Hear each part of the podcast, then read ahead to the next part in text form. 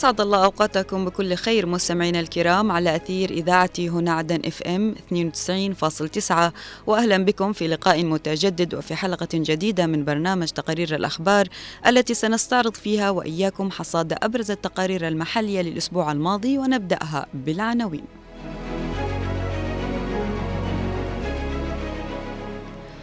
المجلس الانتقالي وخارطة الطريق الأممية ترحيب مشروط بضمان استعادة الدولة. وفد وزاري مصري يصل عدن لبحث جهود النهوض بالمطارات. سفينة تجسس إيرانية في البحر الأحمر خلف هجمات الحوثيين في ممرات الملاحة البحرية.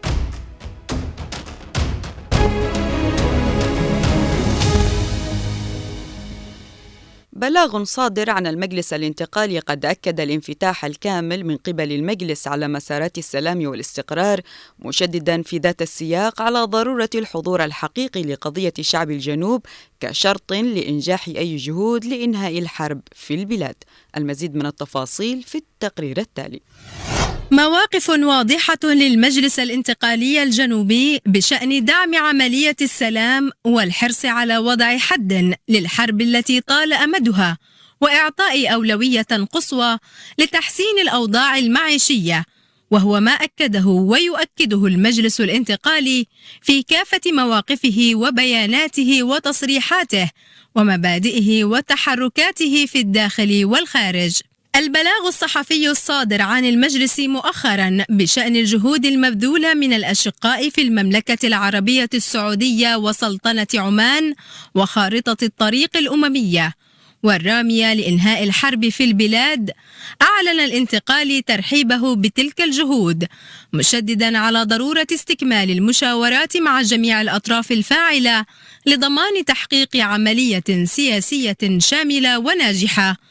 وهي إشارة أن أي محاولة لتغييب قضية شعب الجنوب في المرحلة المقبلة ستنسف كل الجهود في هذا الإطار. المجلس الانتقالي شدد على ضرورة وجود عملية سياسية لحل قضية شعب الجنوب من خلال تضمين القضية في المسار التفاوضي التي سترعاه الأمم المتحدة، وهو ما يؤكد حرص الانتقال على إنجاح العملية السياسية وتحذيراته من أي التفاف أو تهميش على قضية شعب الجنوب في العملية السياسية الشاملة. قد تجعل آمال إنهاء الحرب وجهود إحلال السلام أسرابا من الخيال والأوهام.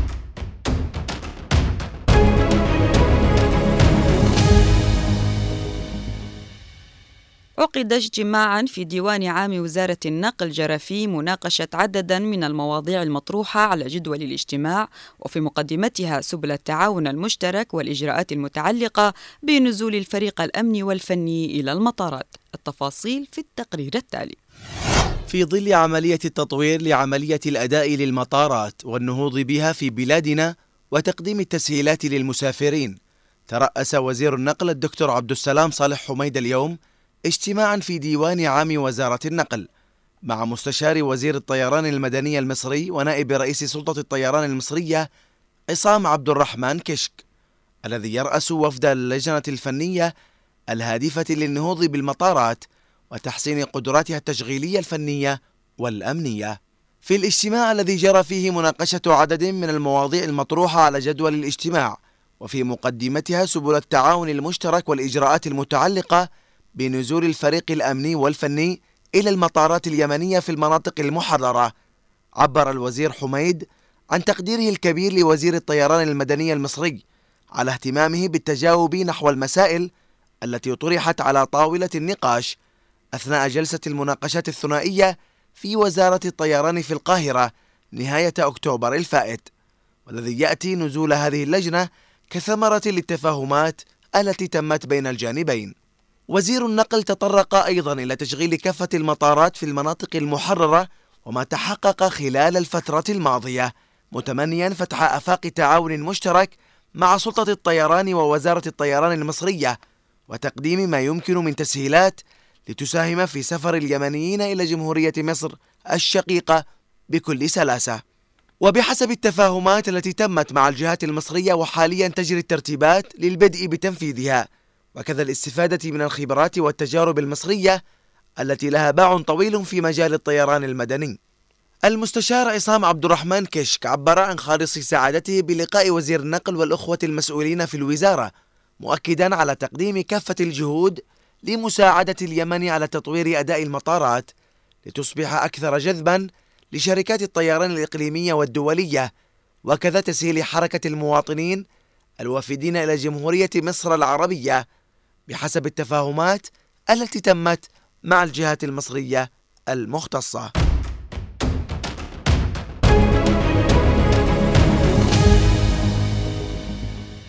يحيي أبناء الجنوب الذكرى العاشرة للمجزرة المروعة التي ارتكبتها قوات الاحتلال اليمني في السابع والعشرين من ديسمبر عام 2013 ميلاديا في سناح بمحافظة الضالع والتي راح ضحيتها 20 شهيدا وأكثر من 30 جريحا بينهم أطفال بينما كانوا في مخيم عزاء.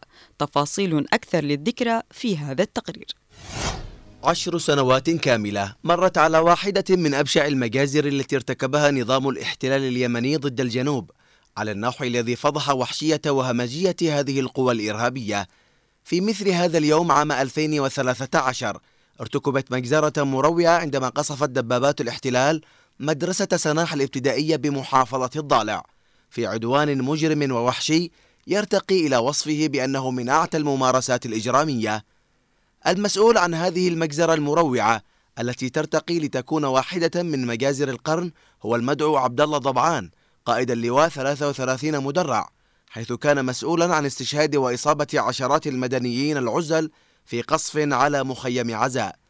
في ظهيرة نفس هذا اليوم قبل عشر سنوات كان مخيم عزاء كبير يستقبل المعزين في وفاة فهمي قاسم الناشط في الحراك السياسي السلمي الجنوبي. وبينما كان المواطنون يصطفون في مقاعدهم كانت دبابة تابعة لهذا اللواء المذكور تهيئ نفسها لارتكاب المجزرة حيث قصفت المخيم حتى حولته إلى مأتم جماعي ما أدى إلى سقوط أربعين شهيدا وجريحا. المجزرة التي ارتكبتها قوى الاحتلال اليمني فجرت غضبا جنوبيا غير مسبوق وأحدثت حراكي حراكا شعبيا كبيرا حيث توافد مئات الآلاف من العاصمة عدن ومحافظات أبين والمهرة ولحج وشبوة وحضرموت إلى محافظة الضالع.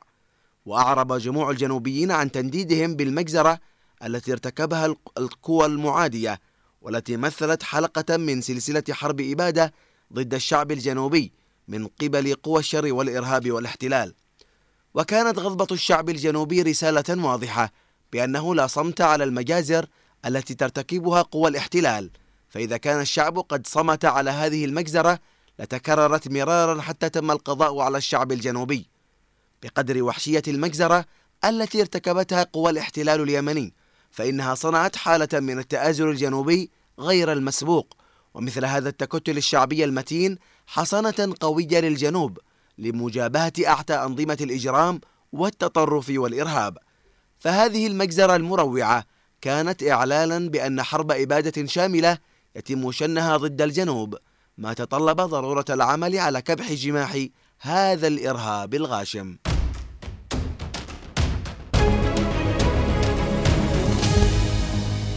وجه البيت الأبيض أصابع الاتهام بشكل رسمي إلى تورط إيران بدعم الإرهاب الحوثي والتخطيط للعمليات ضد السفن بالبحر الأحمر بعد الكشف عن سفينة تجسس إيرانية متمركزة قبالة السواحل اليمنية تزود الميليشيا بالمعلومات والعتاد.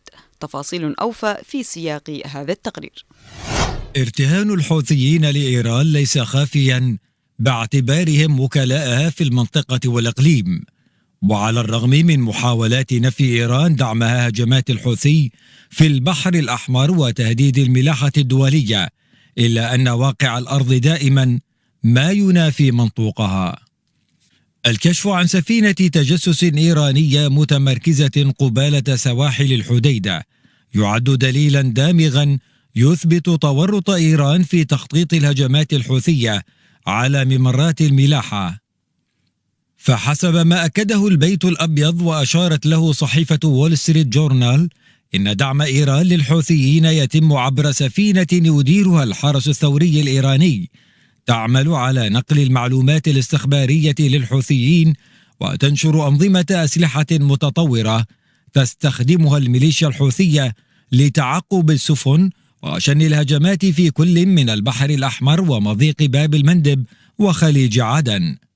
توجيه واشنطن أصابع الاتهام بشكل رسمي إلى طهران بضلوعها المباشر بدعم عمليات الحوثي الإرهابية. حدث هو الأول من نوعه للبيت الأبيض وسابقة تاريخية لإدارة الرئيس بايدن.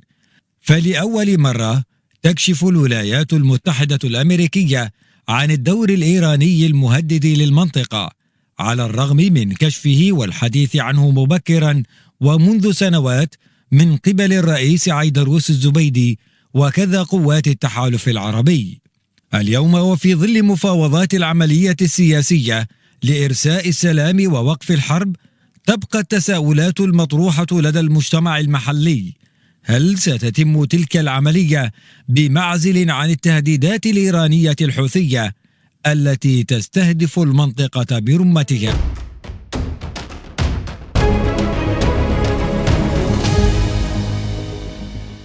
مستمعينا الكرام إلى هنا نصل إلى ختام هذه الحلقة من برنامج تقارير الأخبار. كنت معكم من الإعداد والتقديم أنا عفراء البيشي ومن الإخراج خالد الشعيبي. أطيب التحية إلى اللقاء.